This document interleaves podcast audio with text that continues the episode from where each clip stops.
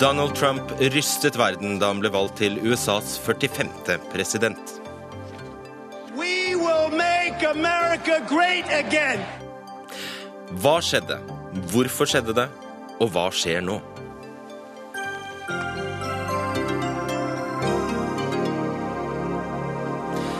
Velkommen til Dagsnytt 18 i romjula. I denne sendingen skal vi gå gjennom det som nok vil stå igjen som en av de største sakene i 2016, nemlig valget av Donald Trump som president i USA. Mitt navn er Fredrik Solvang. Først velkommen til deg, kunde- og analysesjef i Retriever, Kristina Nilsen. Takk. Du, Hva sier folk når dere spør dem om presidentvalgkampen i USA? Ja, Vi har gjort flere analyser og undersøkelser om det temaet. Eh, og blant annet så har vi spurt et representativt eh, utvalg av Norges befolkning. Eh, og da er det 66% som svarer at presidentvalgkampen i USA har gjort inntrykk på dem. Og det er den nyhetssaken som har engasjert flest nordmenn. Det er ingen annen sak i 2016 som, har, som folk oppgir at det har gjort like stort inntrykk.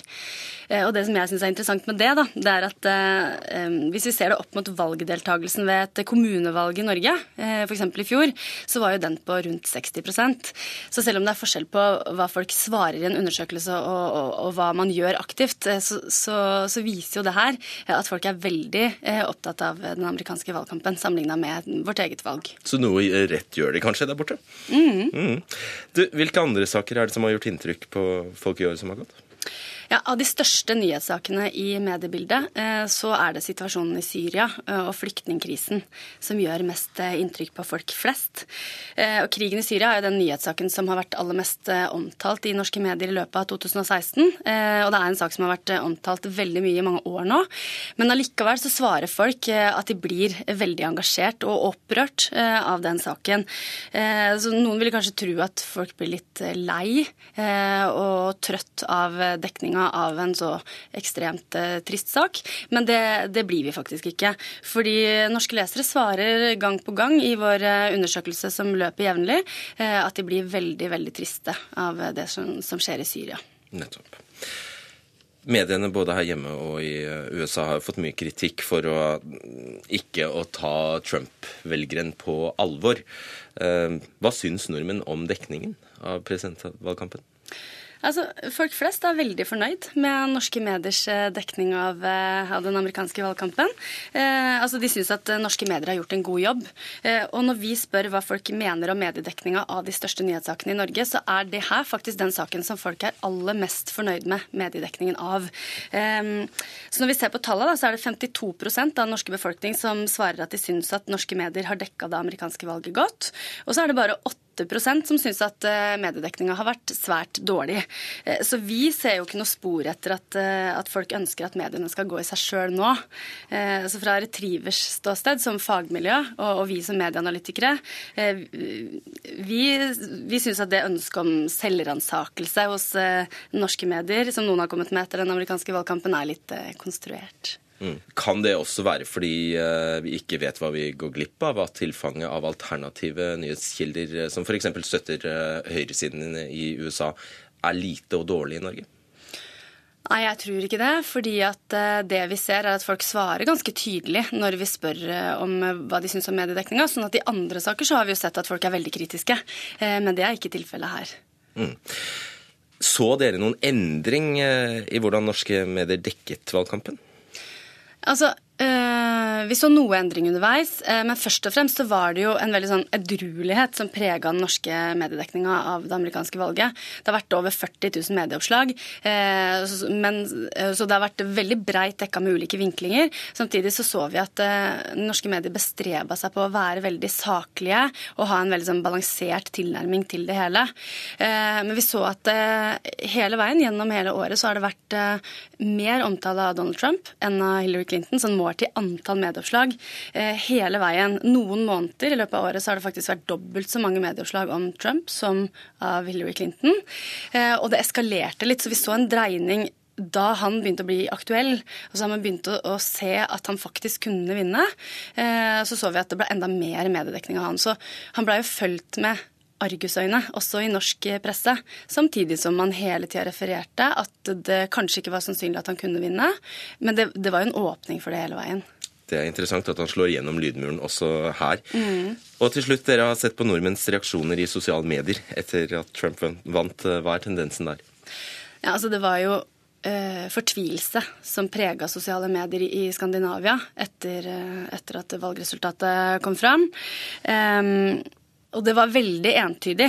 Så nesten etter alle andre valg, så så man, altså norske valg, da, så ser man jo både jubel og skuffelse eh, blant eh, velgerne.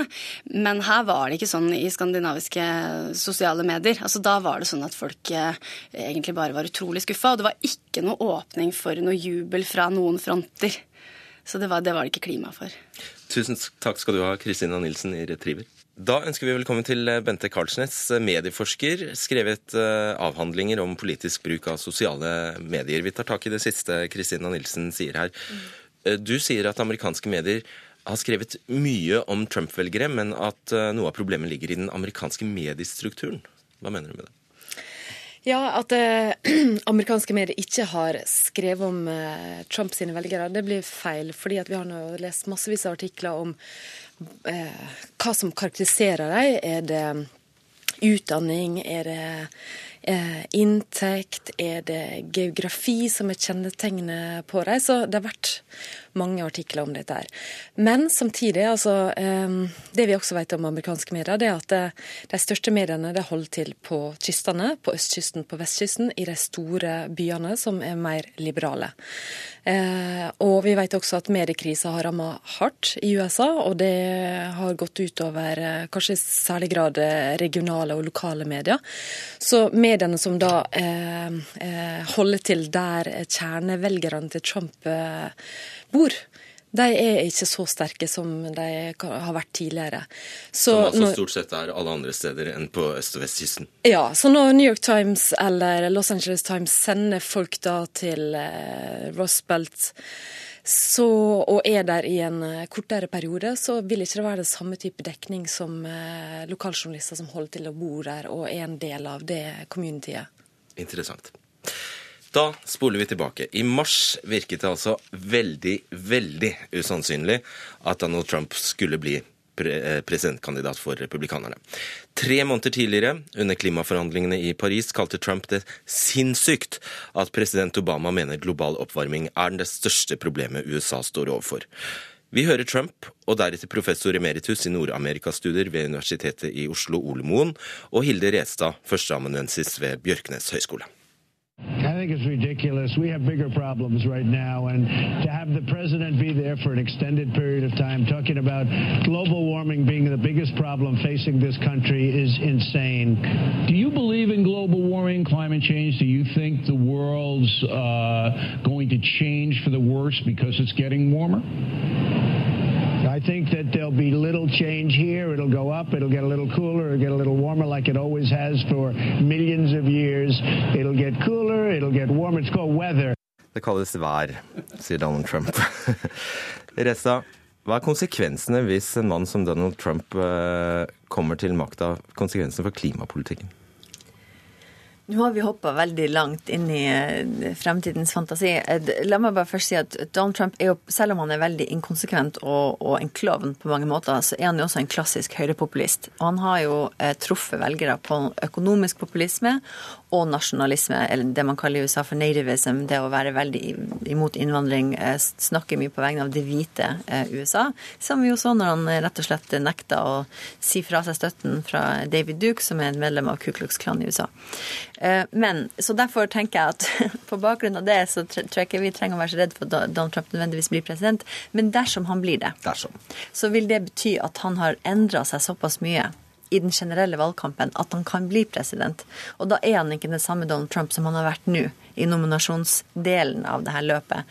Og dermed så vil han jo kanskje da moderere seg på mange områder, f.eks. climate change. Kanskje, men hvilket signal skulle det sende til verden om USA får en president som kaller klimaendringene værendringer? Nei, men nå har han et veldig avslappet forhold til virkeligheten, som jeg sa. Og han er Man har jo vondt for å tro at han mener alt han sier. Og jeg er helt sikker på Det er jo vanlig at, at på, hos republikanerne så, så, drar de ut til høyre under nominasjonsprosessen, og motsatt på hos demokratene. Og så må man roe seg tilbake på midten når det nærmer seg valget. Og det vil nok skje med ham også. og Jeg tror han vil moderere seg. Mon det. Det er jo dypt interessant at når vi nå sitter med fasit i hånd, så kan vi konstatere at eh, denne holdningen til klimaendringer også har blitt mer stueren her hjemme etter Trumps eh, seier. Men her sier altså både Restad og Moen at de tror Trump vil måtte moderere seg for å vinne. Men skjedde det? Halvard Notaker, historiker og forfatter av boka 'Amerikansk valgkamp'. Det gjorde vel egentlig ikke det. Jeg skal ikke sitte her som sånn overdommer lenge etterpå og si noe om hva de burde sett den gangen. Det var vel noe de fleste av oss trodde var at enten så gjør den kandidaten som blir kandidat, eh, akkurat det, og vende inn mot sentrum, eller så gjør han det ikke. Og, og da, kan, da, vil han mest sannsynlig tape. Og Han gjorde det ikke, og det var vel grunnen til at veldig mange regnet med at han ikke kom til å vinne. Så eh, det er, eh, det, det er noe av et mysterium, selvfølgelig, at det var mulig å bryte også de reglene. Eh, samtidig som det nok vil være sånn at når man ser på oppslutningen, og når man ser på de problemene som venter i partiet hans, så, så er det ikke sånn at det ikke straffet seg, tror jeg. Han kunne vunnet mer hvis han hadde vært en vanligere kandidat, kanskje. Tror du virkelig det? Jeg tror det. Jeg tror han støtter fra seg en del. Det var ikke noe eh, Det var omtrent samme valgdeltakelse som forrige gang, f.eks. Og eh, det er klart at hvis Donald Trump hadde eh, vist en sterkere interesse for å drive valgkamp, så må man jo tro at han hadde fått mer ut av det potensialet som jo helt utvilsomt var der. Det er jo ikke sånn at fordi han vant, så var alt han gjorde, optimalt. Det tror, jeg, det tror jeg kanskje blir en feilslutning. Det ville i så fall bety da, at hvis det var ca. 100 000 velgere som, som skifta mening i noen utvalgte stater, så ville alt han gjorde vært uh, feil. Og det var også å gå litt for langt. Mm. Så, ja. ja. Du nikker, Bente Kalsnes. Ja, bare for å følge opp uh, litt på det med, med, valgkamp. Fordi at han, uh, Donald Trump skilte seg litt ut i forhold til det en kan forvente at en kandidat gjør når han skal drive valgkamp. Han brukte lite penger på TV-reklame. Eh, fordi at han fikk så masse eh, medieoppmerksomhet eh, via opptredenene sine på Twitter og via valgkampmøtene. Han brukte lite tid og penger og energi på grasrota, på å opprette altså, lokalkontor rundt omkring. Så det var en del ting som han brøt når det gjelder forventninger rundt hvordan en moderne valgkampanje skal foregå i USA. Ehm, vi lurte også litt på altså, i, eh, i, i, løpet av valgkampen, og så drev han med den type datainnsamling, så vi har sett det har blitt mer og mer vanlig. Eh, nå, nå, ser vi i ettertid at eh, han har samla inn andre typer data, men jeg er enig med Halvard Notaker her at eh, han kunne faktisk fått enda mer oppslutning hvis han hadde gjort en enda bedre jobb når det gjelder valgkamporganisasjonen. Det høres jo litt, sånn, høres jo litt dumt ut, sitter vi her etterpå og skal vite hva han gjør.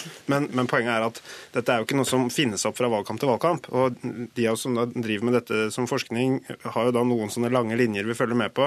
Og en av de store endringene er liksom den, den store overgangen fra å blinke seg ut sånn soccer moms, som, som kanskje noen husker fra Bill Clinton, som da er en viss uh, gruppe med noen sånne kjennetegn. Bor i en forstad, har barn som skal kjøres på fotball, og kanskje, kanskje brukbar økonomi og litt sånn i en samlegruppe. Aner ikke hvem de er, men jeg vet hvilke kjennetegn de har.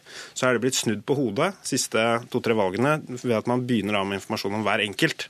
Og så bygger man små modeller og små grupper av hver av disse eh, velgergruppene. Og alt tyder på at det er mye mer effektivt for å finne alle de riktige velgerne. Og det gjorde Trump mindre, Hillary Clinton mer. Man må jo tro at hvis han gjorde like mye som henne, så ville han gjort det bedre. Men betyr det også, bare tilbake til klimatema, klimatemaet, betyr det at han uttømte potensialet der. At han nå han, han, eh, var i bunnen av den brønnen av klimaskeptikere. Ja, altså, ja, det er veldig interessant, fordi det handler jo da om at han satset alt på eh, hvite, hovedsakelig menn med lavere utdannelse i noen delstater. og de det lyktes han jo til de grader med. Og En del som har kommet fram etter valget, tyder på at hans kampanjesjef, Steve Bannon, hadde det som en bevisst strategi. Og det virker jo nå, i hvert fall i ettertid, så virker jo det veldig smart. Og det var det nok veldig mange som undervurderte. Men det var én gruppe. Han satte alt på ett kort, kan man kanskje si. Og at hvis han ikke hadde fått piska opp dem, Så ville alle stått etterpå og sagt ja, du skulle kanskje hatt navnelister og visst hvilke blader jeg abonnerer på, og alt mulig sånt, som Hillary Clinton brukte mange penger på. Det hadde vi sittet og sagt nå helt skråsikkert, hvis det hadde vært da 100 000 av disse 136 millionene som hadde stemt annerledes. Så marginene er kanskje litt mindre enn en, uh, tyngden en del sannheter blir fremført med. da. Vi kommer tilbake til hva han faktisk gjorde. I juni ble det så klart at Bernie Sanders tapte for Hillary Clinton. Hun vant med stor margin i California og ble den første kvinnen som noensinne har vært et av de store partienes presidentkandidat. Det har vært en bitter kamp altså, mellom disse to. Eh, og veldig mange av de Bernie Sanders-velgerne jeg har snakket med den siste uka, sier at de ikke er klare til å stemme på Hillary Clinton. Han har jo ytret da flere angrep mot Clinton i den siste tiden. Så det gjenstår å se hvordan han, som Tove Bjørgo sa, hvordan han skal klare å forene eh, sitt budskap med det budskapet Hillary Clinton har stått for. Og velgerne, da? Er det grunn til å tro at de vender seg mot Trump eller mot Clinton? Um, altså, det er, en, det er, jo flere undersøkelser som er gjennomført rundt akkurat det. Og, og, i den siste så var det vel 20% av dem som sa at de heller ville stemme på Trump enn på Clinton. Og her hørte vi Vårin Alme, som skriver for amerikanskpolitikk.no, og Sigrid Solum, programleder, Tove Bjørgaas, USA-korrespondent. Halvard Notaker, hva skjedde egentlig? Hvor ble det av Bernie-tilhengerne? Bernie-tilhengerne ble jo til en viss grad Hillary-tilhengere. Det viktigste enkeltfaktoren som avgjør hva noen stemmer på i USA, det er jo hvilket parti de stemte på sist. Det er mye kraftigere indikatorer i USA enn i Norge. Så veldig mange av dem stemte på Hillary Clinton. Og så var det noen som da ble vippevelgere av den typen jeg tror vi skal tenke på først, nemlig de som vipper ned i sofaen. Eh, det er de som er de viktigste vippevelgerne i et valg i USA. Opp eller ned av sofaen. Eh, så var det mye snakk om det om partiet kunne holde seg samlet osv. Det ble vel ikke like, et like massivt problem som man trodde. Men nå etterpå, når måte, skylden skal fordeles, så er jo det duket opp igjen. Skulle hørt på oss, skulle nominert Bernie Sanders. Men han tapte. Han tapte primærvalget. Bente Kalsnes, hva eh, kjennetegnet Bernie Sanders valgkamp? Jeg tror Først og fremst kan vi si at det var preget av enormt engasjement. Altså, han var en kandidat som klarte å uttrykke et engasjement som kanskje mange savna hos eh, Hillary Clinton. Eh, og han klarte å engasjere veldig mange unge, mange studenter, som var veldig begeistra for Bernie Sanders. Eh, en kan til og med si at det er egentlig likhetstrekk med måten Bernie Sanders drev valgkamp på Trump, i den forstand at det, det var masse elitekritikk. Kritikk mot establishment, kritikk mot uh, Washington DC. Vil ha stor endring? Vil ha stor endring. Eh, han, altså Sanders så mot Skandinavia, snakka om sosialdemokrati, eh, sosialisme nesten.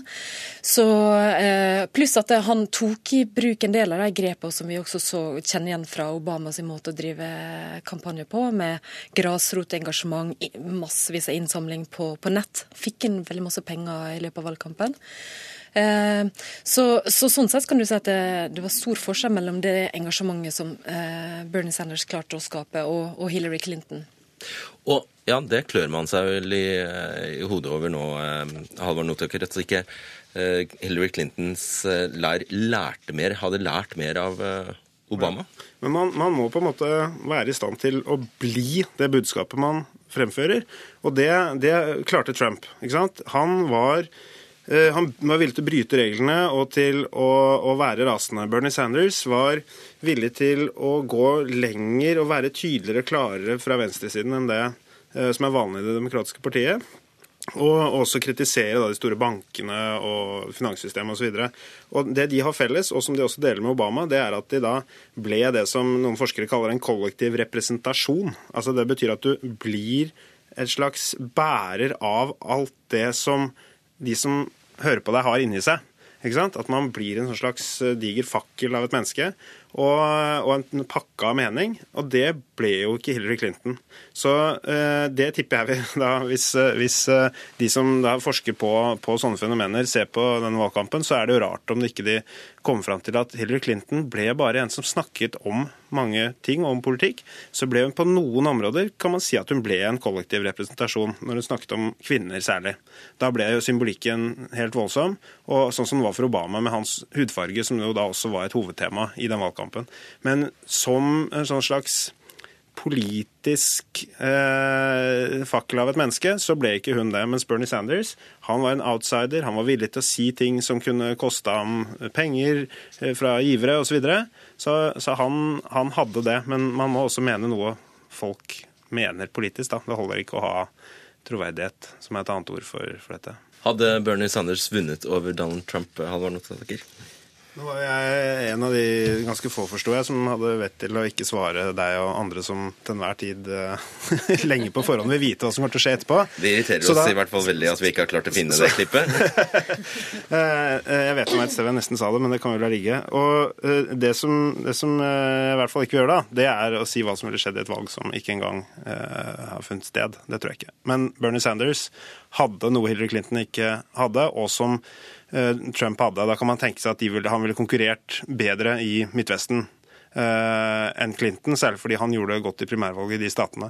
Men han gjorde det dårligere blant minoriteter andre steder i USA, så da kan det jo være da, at han ville uh, tapt noe av det der. Så det, det, der får vi ikke noe svar på, og de som er skråsikre, de må, de må, de må ta juleferie.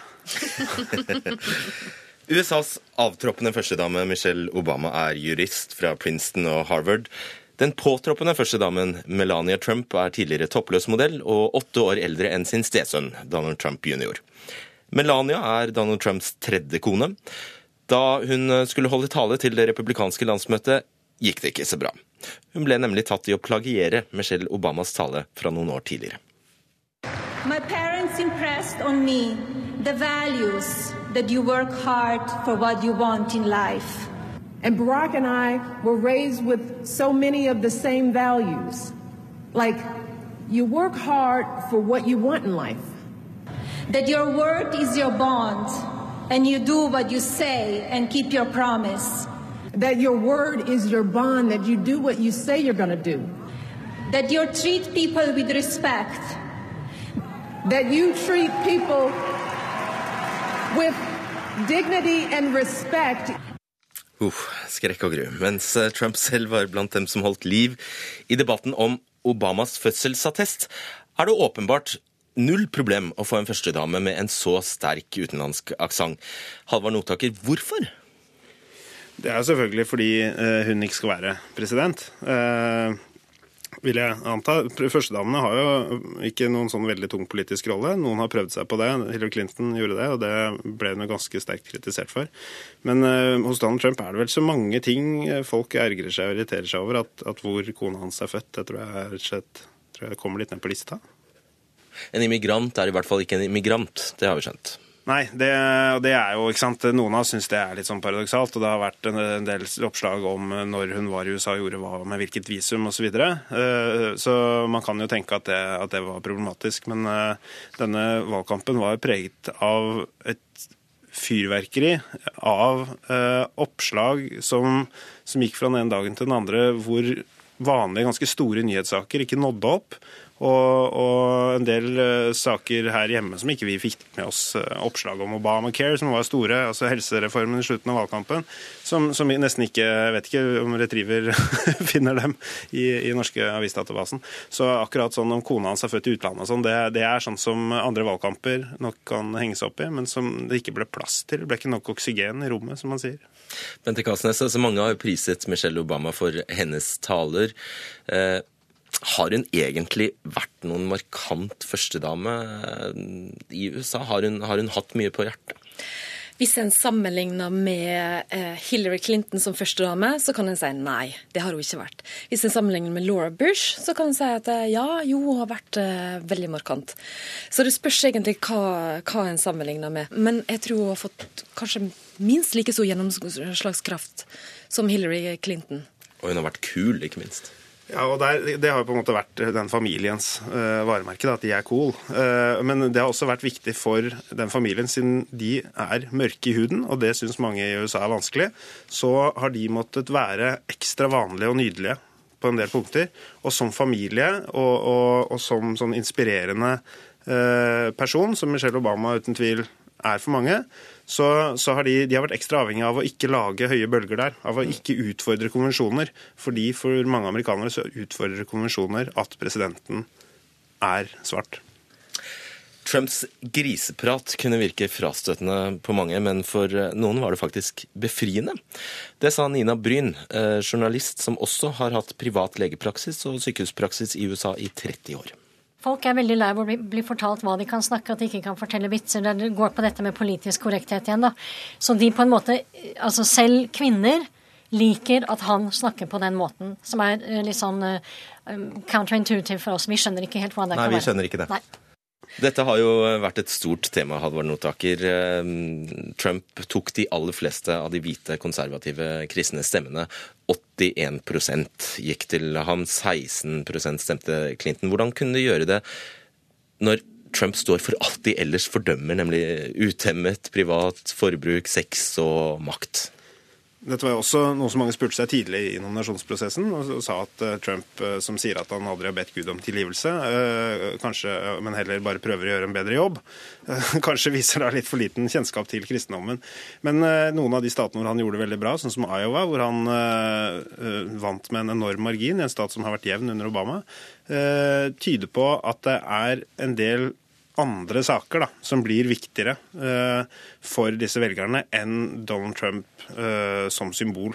Uh, så her er han kanskje ikke den kollektive representasjonen vi snakket om i stad. Her, her, er han ikke bærer av det de ønsker seg i verden, men han er et middel hvor han særlig da kan utnevne høyesterettsdommere som de vil ha det. Og det kommer til å komme en del viktige utnevnelser nå som, som kan få lang virkning, for de sitter jo på livstid. Og det tror jeg er en, en av mange markører. Og det igjen, da de stemmer på det samme partiet som sist. Det er en veldig høy skranke for mange å skifte parti fra valg. Kasnes, denne følelsen av avmakt uh, hos grupper som føler seg uh, marginalisert, uh, at f.eks. kristne konservative føler at deres verdier står på spill, at de er truet. I tillegg til å bli beskyldt for å se mellom fingrene med rasisme og kvinnehat og fremmedfrykt og antisemittisme, så ble det altså kjent at Hillary Clinton rett og slett ikke gadd å forholde seg til disse gruppene. Hun uh, førte ikke valgkamp blant dem. Mm. Ja, nei, det, det, det, er litt uh, merkelig, sånn i ettertid. At uh, hva, hva, var det som lå bak de beskytningene. Men i en del av de reportasjene som har kommet nå i etterkant, så uh, kan det også tyde på at Clinton-kampanjen gjorde en litt dårlig jobb, særlig når det gjaldt å oppdatere dataene sine. Vi har lest at um, de hadde, Clinton-kampanjen hadde masse folk på bakken på lokalt plan, men de dataene som Eh, folk eh, lokalt samla inn, ble ikke da fora tilbake i, eh, til Brooklyn, der hovedkampanjen satt. Så de signalene som en hadde på lokalt plan, ble ikke tatt med inn i kampanjen. Og det ble ikke gjort justeringer på budskap og på hva områder en bør satse mer på. Så eh, nå i de siste, siste, ukene så har det kommet fram eh, en del sånn kritiske blikk på at eh, Clinton-kampanjen også gjorde en del liksom, feilberegninger eh, i eh, måten de forholdt seg til de viktige områdene. Eller områder som de trodde ikke kom til å være viktig, men som faktisk har vist seg å bli viktig. Nettopp. Ja, dette, er jo, dette er de dataene igjen som er veldig spennende. For de dataene som kommer inn når folk banker på og snakker med det mennesket du har telt, og laget en algoritme som sier hvem er, så kommer det data inn, så må du jo putte det inn igjen. Det er det som er hele det geniale i dette. Sånn at de får justert og finjustert helt fram til forhåndsstemmegivningen begynner. Og hvis de ikke har gjort det, så er det helt sjokkerende. Vi får se om det er skyldfordeling eller noe annet. Den forklaringen som oftest har blitt trukket fram på Trumps framgang, er økonomi. Eller snarere dårlig økonomi. Og målinger viste at den gruppa som aller ivrigst støttet Trump, var hvite menn som tjente dårlig. Historien om den amerikanske økonomien var at uh, ulikheten ble mindre og mindre fra krigen av, siste krig av, fram til midten av 70-tallet. Og Så så en plutselig at en fikk større og større ulikhet. Altså, Noen drog mer ifra, det særlig de høyutdanna, og noen ble sakka akterut eh, og faktisk ikke hadde en realfag, eh. Og hvem var det? Ja, Det var de lavutdanna, fattige, kanskje også hvite amerikanerne. Her hørte vi Kjell Salvanes, professor ved Norges handelshøyskole. It's the economy stupid er et eh, uttrykk først brukt av Bill Clintons valgkampstrateg eh, James Carville, ble et slagord i 1992-kampanjen. Men forskningen gir et annet svar, forteller Elisabeth Ivarsflaten, professor ved Institutt for sammenlignende politikk ved Universitetet i Bergen. Vi har gått gjennom disse studiene med tanke på å finne ut ok, hva, hva med, med eliteforakt eller tap av muligheter, arbeidsledighet, eh, det, har, det, går verre økonomisk i land eller for en selv, eller den typen forklaringer. Vi har, eh, vi har, sett ganske nøye og ganske mye på det, eh, fordi at det er en veldig fremtredende forklaringsmodell som mange gjentatte ganger i de ulike landene kommer tilbake til. Den har bare rett og slett ikke så mye kraft i seg til å forklare. Ja, jeg vil ikke si det så sterkt, jeg vil si det sånn det stemmer, det stemmer stemmer aldri alene. For ett av de store svarene er innvandring. Den saken som er viktigst for, for eh, velgere som velger høyrepopulistiske, idealer i alle land i Vest-Europa, det er innvandring. Eh, og eh, det er ingen andre saker som har den samme kraften i, i å bestemme eh, valget for, for, de personene som ender opp med å støtte høyrepopulister. Og det er heller ingen annen sak som så konsekvent henger sammen med disse partiene. Hvis du, du kan trekke en sånn parallell hvis du tenker på at alle som stemmer på grønne partier, bryr seg om klima og miljø så er det også sånn at alle som stemmer på høyrepopulistiske partier på et eller annet plan, bryr seg om innvandringen, og de liker det ikke. Og det er jo mange Halvard Notaker, som ser det som høyst paradoksalt at innvandringsmotstanden skal være så sterk akkurat i innvandringslandet USA. Men er det egentlig så merkelig? Har det ikke alltid vært sånn? Det har jo vært sånn at De som har kommet sist, har vært eh, ansett som eh, outsidere. Eh, katolikker, særlig irer på 1800-tallet. Eh, nordmenn har vært outsiderne i de byene de kom til. Og da USA lagde strengere regulering i 1924, og på en måte den store innvandringsperioden eh, tok helt slutt, eh, så lagde man kvoter for hvem som skulle få komme inn. Og det var da kvoter etter de som var der fra før. Hvis vi tok tall noen tiår tilbake.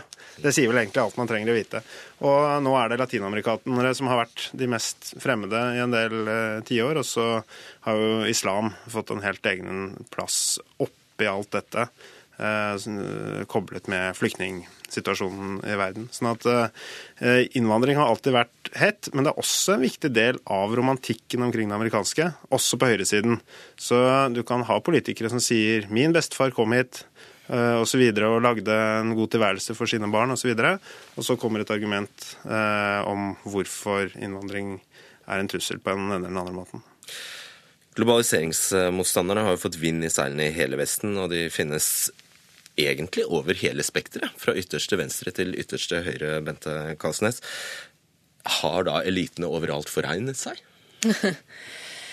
Kanskje det. Det er litt vanskelig å svare på. Men uh, noen sånn fellestrekk som vi ser går igjen, altså både i USA og for så vidt i Europa, det er nå dette her med uh, uh, altså, verdiene som ligger til bunnen i en nasjon. Hva er det, og hvordan skal en verne om dem? Eh, hva er det nasjonale? Vi har diskutert det i Norge også. Hva er norsk kultur? Eh, og det å gå tilbake til røttene, disse her litt sånn romantiske bilder av eh, gullalderen. Og det ser vi eh, veldig tydelig symbolisert via Trump sitt slagord 'Make America Great Again'. Og så kan du begynne å lure på når var dette her, den gullalderen? Altså hva, tilbake til hva? Er det tilbake til 50-tallet, er det tilbake til 70-30? Altså, vi vet ikke akkurat det, men det er et eller annet som, som, skal bli bra igjen, for det er noe som er blitt ødelagt. Så, det, eh, så det er noen store verdispørsmål som han har også eh, kasta ut i, i, valgkampen. Altså En skal ta vare på det amerikanske.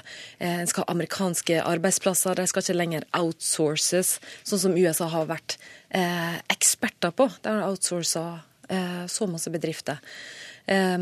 Så, og det er nokså sånn som vi ser igjen i, i, Europa. Drømmen om den romantiske fortida. Mm. Bildet av eh, Trump-velgeren ble stadig mer nyansert dess lenger ut i valgkampen vi kom. Og I september offentliggjorde nettstedet 538 en undersøkelse som viste at det som avgjør valget for hvite velgere, er én religiøsitet, to utdanning, tre om de bor i by eller på landet, fire hvor i landet de bor, fem kjønn, seks alder og sju inntekt. Vi hører journalist og kommentator Jan Arild Snoen. Det har vært altfor mye fokus på dette med inntekt. Jeg skrev en artikkel om dette for noen dager siden, faktisk, basert på en stor gallupundersøkelse. Og det er jo også verdt å merke seg at Det er ikke det at det faktisk går dårligere med denne gruppen velgere som er Trump. eh, De bare føler det? De bare føler det. Eh, De føler at det går dårligere, og de har en sånn angst for at det går dårligere. Denne Gallup-målingen viser at de rikeste Trump-velgerne føler eh, like stort økonomisk press som lavere middelklasse av de som ikke stemmer på Trump. Så dette er en, det er en idé, det er en ideologi, det er en holdning mer enn det er økonomiske realiteter. Men det betyr jo ikke at det ikke er potent.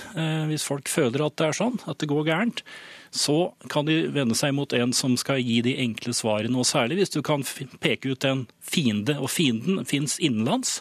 Det er ulovlige innvandrere, og den fins utenlands. Det er kinesisk eh, eksport. Sa altså Jan Arildsnoen, som skriver for Minerva. Ja, no, eh, Halvard Notaker, eh, det er en idé og holdninger snarere enn økonomiske realiteter, sies noen her. Hvordan føyer denne ideen seg inn i det republikanske partiets historie? Nei, Det republikanske partiets historie er jo skiftende, sånn som de to partiene. Så jeg tror vi skal være litt forsiktige med å trekke det tilbake til Lincoln da det partiet begynte. fordi eh, da var det nordstatspartiet, og i dag er det et sørstatsparti osv.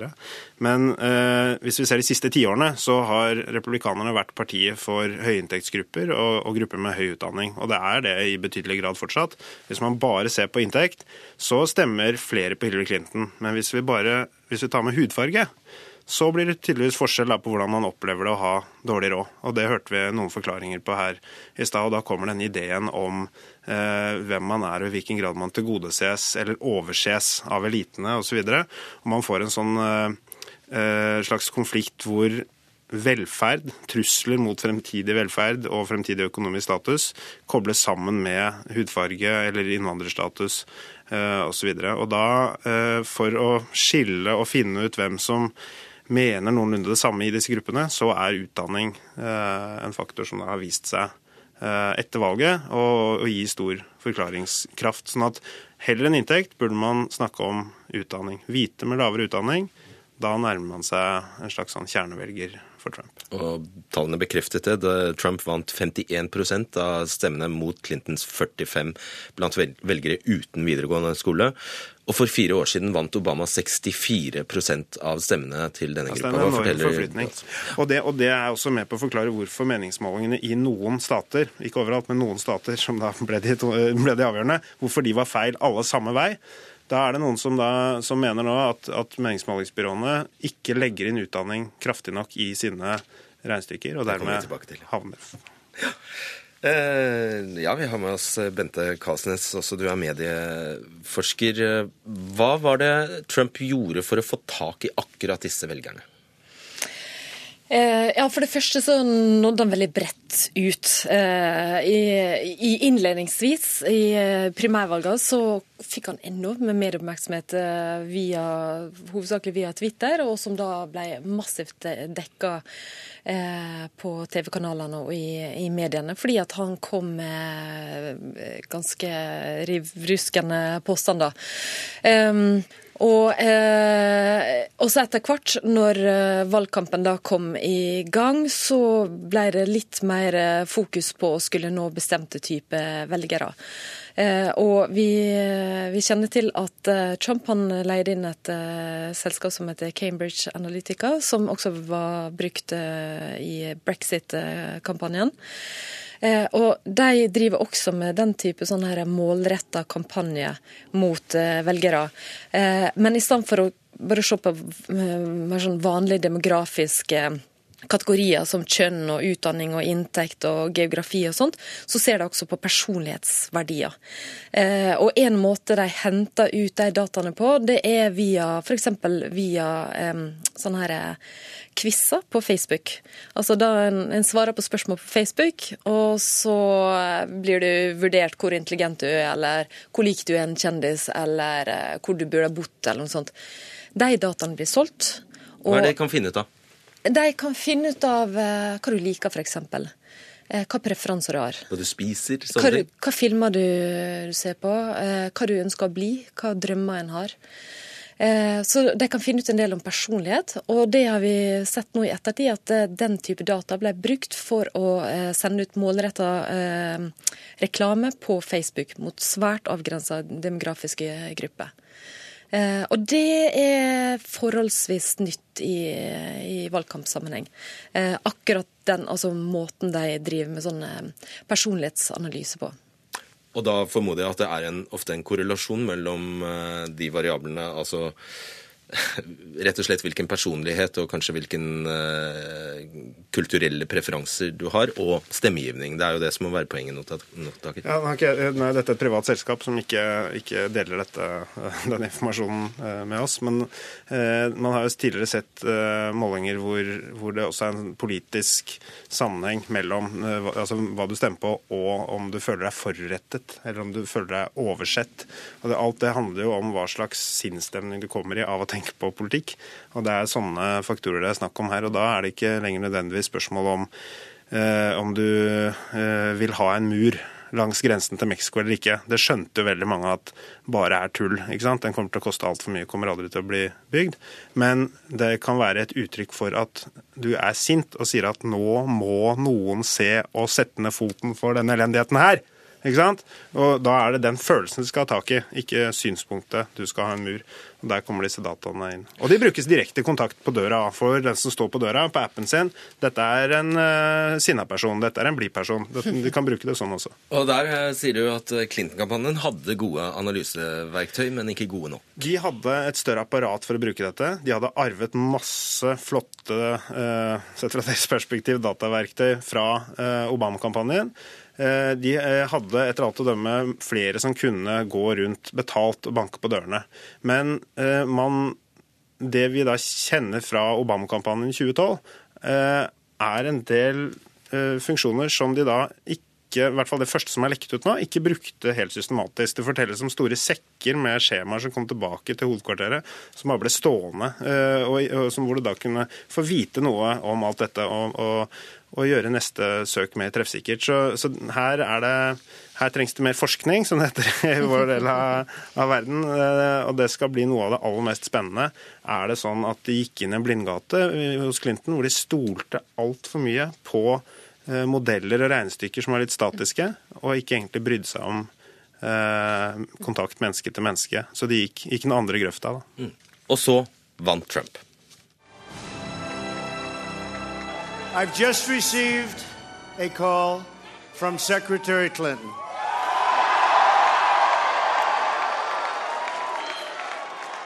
She congratulated us, it's about us, on our victory.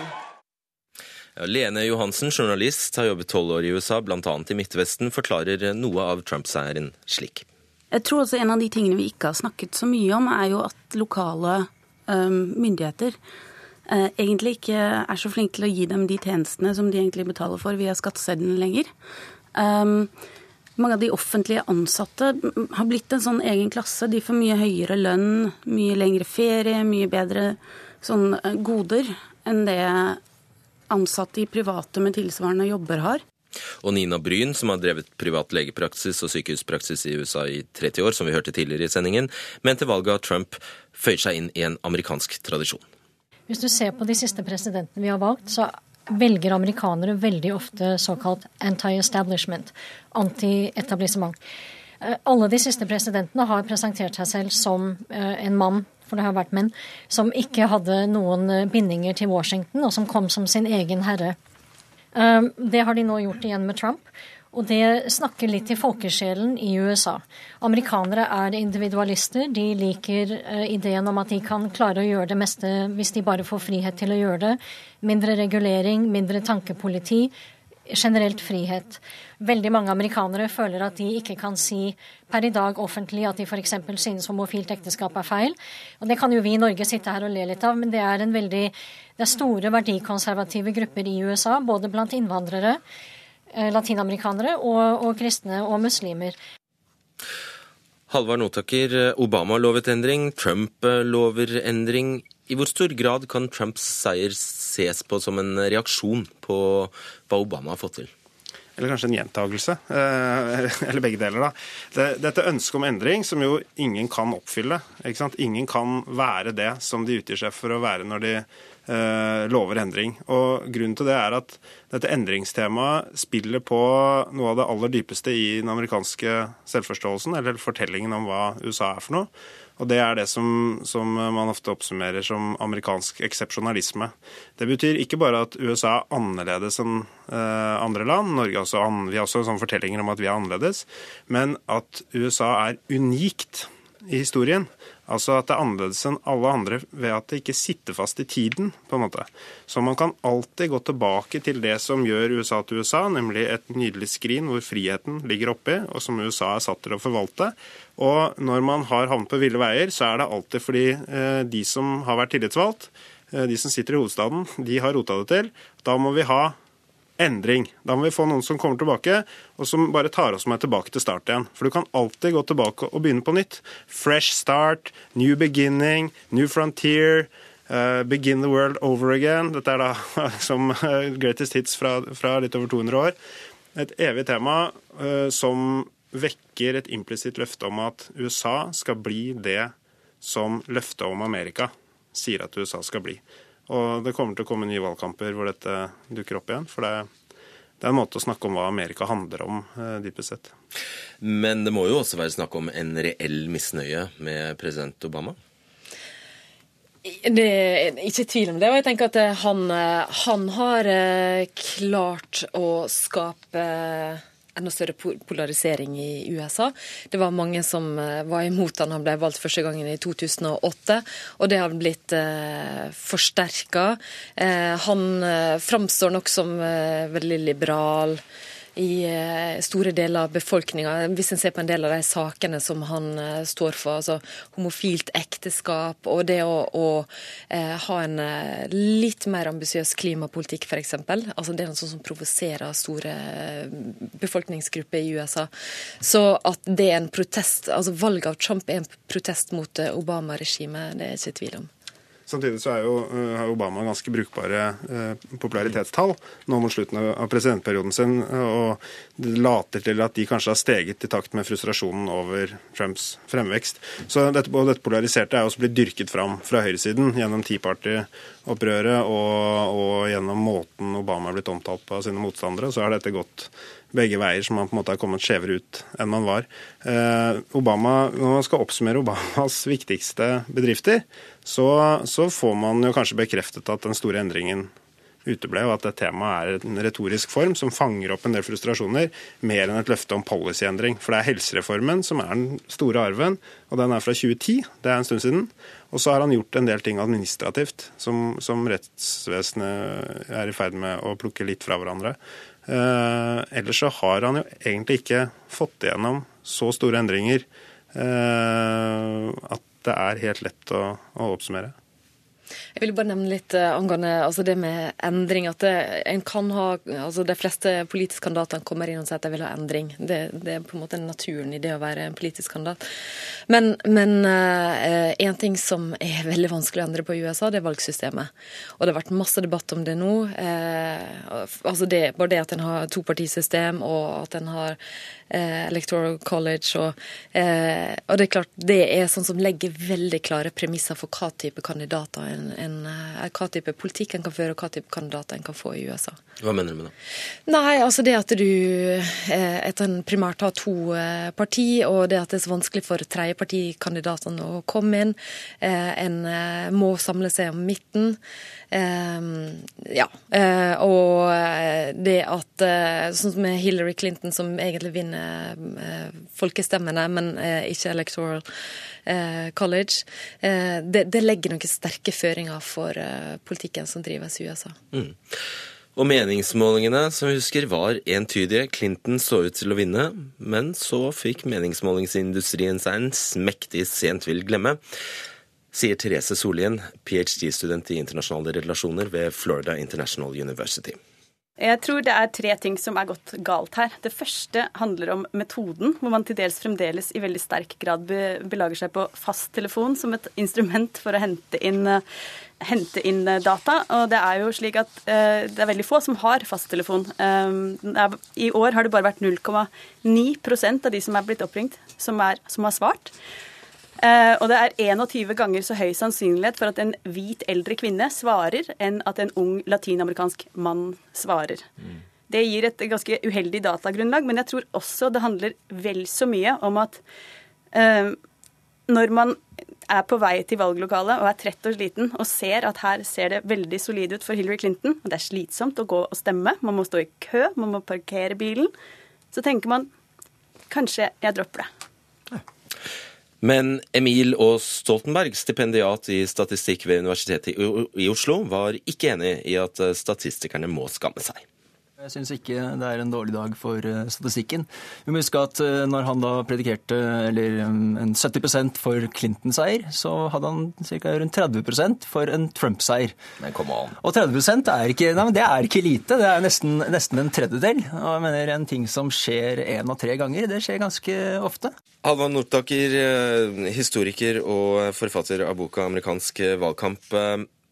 Kan vi alt nå se hva meningsmålingsindustrien eh, burde lært? En del av de analysene som kommer nå, tyder i hvert fall på at utdanning har vært undervurdert eh, som faktor. At, eh, at, disse byråene er flinke til å sette sammen befolkningen og tenke på hvordan alder og kjønn og yrke og inntekt og bosted og stort sted og lite sted osv. spiller inn. Og så er det en del som da mener at utdanning må eh, veie mer.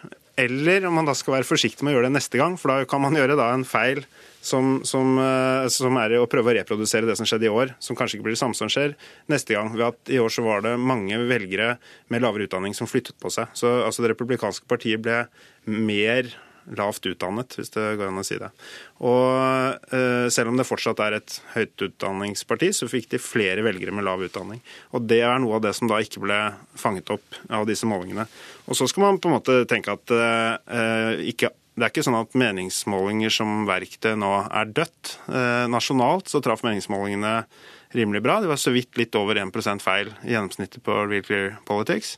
Eh, det må man si er ganske brukbart. Hillary Clinton fikk jo flest stemmer, hvis det var det man ville måle, men de bommet altså i noen befolkningssegmenter i de statene som er vippestater, og som dermed jo er de som er viktigst å få riktig. Eh, og der var utslagene ganske svære, og da er det da utdanning en av de tingene man man tenker på.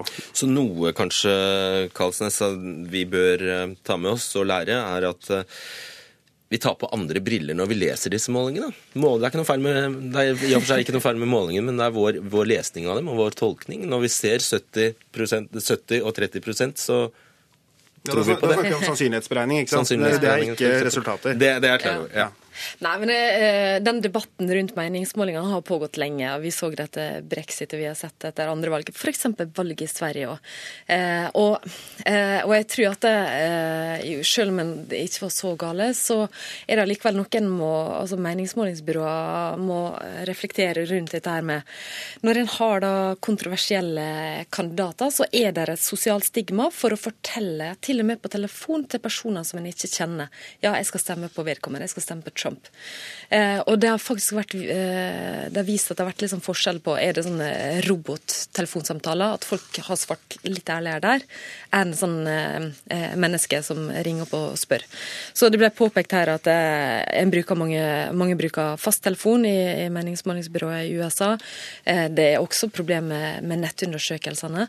Men, men med altså det som vi så i, i USA, altså at det en del kanskje ikke har turt å innrømme at de skulle stemme på Trump. Det har vi også sett i Sverige. Sverigedemokraterna gjorde ganske dårlige meningsmålingene i 2014. Eh, og kan, ja, det er flere som har spekulert i kan det være for at folk ikke har turt å innrømme det. Og får person på telefonen. Her vil vi jo få mange analyser om dette er eh, likt over hele fjøla. For det vil jo være likt, eh, likt antakeligvis nasjonalt. Mens hvis det er annerledes i noen delstater, så har de gjort en eller annen feil. Her er det masse å bade i for de som er ordentlig glad i tall. Og så kan kanskje alle huske at de må være mer sånn som historikere f.eks., og ikke bare være opptatt av tall. Kanskje man blir klokere da òg. Siden valgseieren har Trump eh, rukket å legge seg ut med Kina da han tok imot en telefon fra Taiwans president. Han har sagt han eh, ikke trenger daglige oppdateringer fra CIA. Han har sagt eh, F-35 jagerflyprosjektet er altfor dyrt. Og nå har han funnet kandidatene til regjeringen sin. Og blant dem er en klimaskeptiker, en utenriksminister som har kjempet mot USAs utenrikspolitikk, en energiminister som vil legge ned departementet han selv skal lede, og en rekke næringslivstopper som aldri har hatt offentlig verv før. Halvard Notaker, eh, du har skrevet at eh, Trump har satt et ettertrykkelig punktum for republikanernes historiske reise som Ronald Reagans parti. Hvordan da? Jo, men det som mener jeg at det partiet står oppi en overgangstid. Det har det for så vidt gjort siden 2010 med Tea Party-opprøret. Det er en veldig kniving i det partiet mellom de som er pragmatiske, men klart eh, på høyresiden, eh, men som vil ha stabilitet, en mindre stat, Eh, ha politikk som tilgodeser næringslivet, og bygge ned en del velferdsordninger eller organisere de mer privat. Det er, eh, Og med et kristenkonservativt element også. Det er et parti som har hengt sammen i varierende grad, men som har gitt mening. Og det partiet smuldrer nå opp, og Donald Trump står for det motsatte på ganske mange felter. Han er ikke fremmed for å bruke masse penger offentlig. Vi har snakket om muren til Mexico, eh, som jo vil eventuelt koste veldig mye penger. Og en kjempepakke for utbygging av veier og havner og flyplasser og alt mulig. Som jo er offentlige penger rett ut. Det liker ikke republikanerne. De vil ha færre offentlige penger rett ut. Han øh, har sagt at han syns det er greit med et, etter valget, at det er greit med homofile vigsler. Eh, han har sagt at han, eller at han syns nå er det sånn det er. Han syns ikke det er greit, men det er sånn det er. Men abort det vil han kanskje fortsette å kjempe mot. Men han, øh, han, er på en måte litt på glid der. Og så har han i utenrikspolitikken eh, tatt til orde for at USA på en del områder skal trekke seg tilbake, eller bare gjøre ting mot betaling på en eller annen måte. Som også er helt det motsatte av Ronald Reagans politikk for, å, for på en en sånn geopolitisk dominans. Da. Men eh, selv om det, det, er riktig som du påpeker at han, han, kan være vanskelig å båsette, altså han er for velferdsordninger, skattlegging av de rike vil han faktisk ha, ha mer av. Han er mot handelsavtaler. I hvert fall i noen versjoner. I hvert fall i noen versjoner, ja. Eh, han appellerte da, som vi har vært innom eh, mye nå, til arbeiderklassen. Regjeringen hans gjenspeiler jo ikke akkurat dette her. Nei, men den, den, Det er helt riktig. Den, den, i hvert fall Hvis den skal være representativ i betydningen at det skulle vært noen vanlige folk i regjeringen, så er det jo den rikeste regjeringen etter alt å dømme som har vært da. Men eh, det betyr ikke at han ikke signaliserer at han vil eh, velte brikkene, for å bruke et uttrykk en statsminister her brukte en gang. Han, han vil knuse det etablerte. Han tar outsidere, han tar folk som ikke forholder seg til politikk sånn som konvensjonene har vært i det republikanske partiet. Han, eh, denne regjeringen eh, er sosialt og økonomisk kanskje litt sånn klassisk, eller superrepublikansk på noen måter. Men i sin tilnærming til politikk så er det ikke nødvendigvis det. Dette er ikke noen drømmeregjering for republikanerne i Kongressen. Og der er det jeg mener det vil stå et drama om hva det partiet skal bli videre. Om det skal være Reagans republikanske parti, som fortsatt en del i Kongressen vil, Eh, et pragmatisk parti som først og fremst vil at ikke båten skal rugge altfor mye. Eller om det skal være et parti som gjerne står i båten og veiver med armene og snakker med Taiwan og, og sender Twitter-meldinger om eh, landets største industribedrifter og forsvarsprosjekter osv. Det er jo ikke typisk sånn for å fremme stabilitet. da. Kalsnes, dette er en eh, administrasjon med 83 hvite menn, Men. hovedsakelig, og svært få kvinner. Er det gitt at det gir seg utslag i politikk? Det er litt vanskelig å si akkurat nå hvordan det kommer til å se ut. Men eh, det har noe, altså vi har nå sett med Obama-administrasjonen der det har vært eh, der det har vært eh, helt konkrete tiltak for å, å, få mer mangfold i administrasjonen, med kvinner og med ulike etniske bakgrunner. Så dette her kommer som en veldig kontrast, det vi har sett de åtte åra til Obama. Og Det er klart at det, som, det har vært veldig masse oppstyr rundt de folka som han har eh, plukka ut. Eh, og kanskje særlig eh, i begynnelsen med han Steve Bannon, som var kampanjesjefen, og som nå blir, får en veldig viktig strategisk rolle i administrasjonen. Som da kommer fra nettstedet Breitbart som ligger langt ut på høyresida. Så det er veldig mange som lurer på hva det kommer til å medføre av praktisk politikk. Veldig kort. Ja, det, er, altså det som en del eh, da spekulerer i, kanskje et slags håp, er at disse utnevnelsene, alle er ganske ytterliggående, det er forretningsforhandleren som kommer til syne. Han kommer først med et bud som han vet han ikke kan få, og så satser han på å havne et eller annet sted på innsiden. Og statsrådene de er da på en måte, de representerer utgangsposisjonen. Det er mulig at det er optimister som håper at eh, resultatet skal bli mer moderat. Det, det får vi kanskje se. Vi får se. Tusen takk skal dere ha, Bente Kalsnes og Halvard Notaker, for at dere var med oss eh, denne romjulstimen. Ansvarlig for eh, denne utgaven av Dagsnytt 18 var Ida Tune Øresland. Teknisk ansvarlig var Marianne Myrhol, og i studio Fredrik Solvang.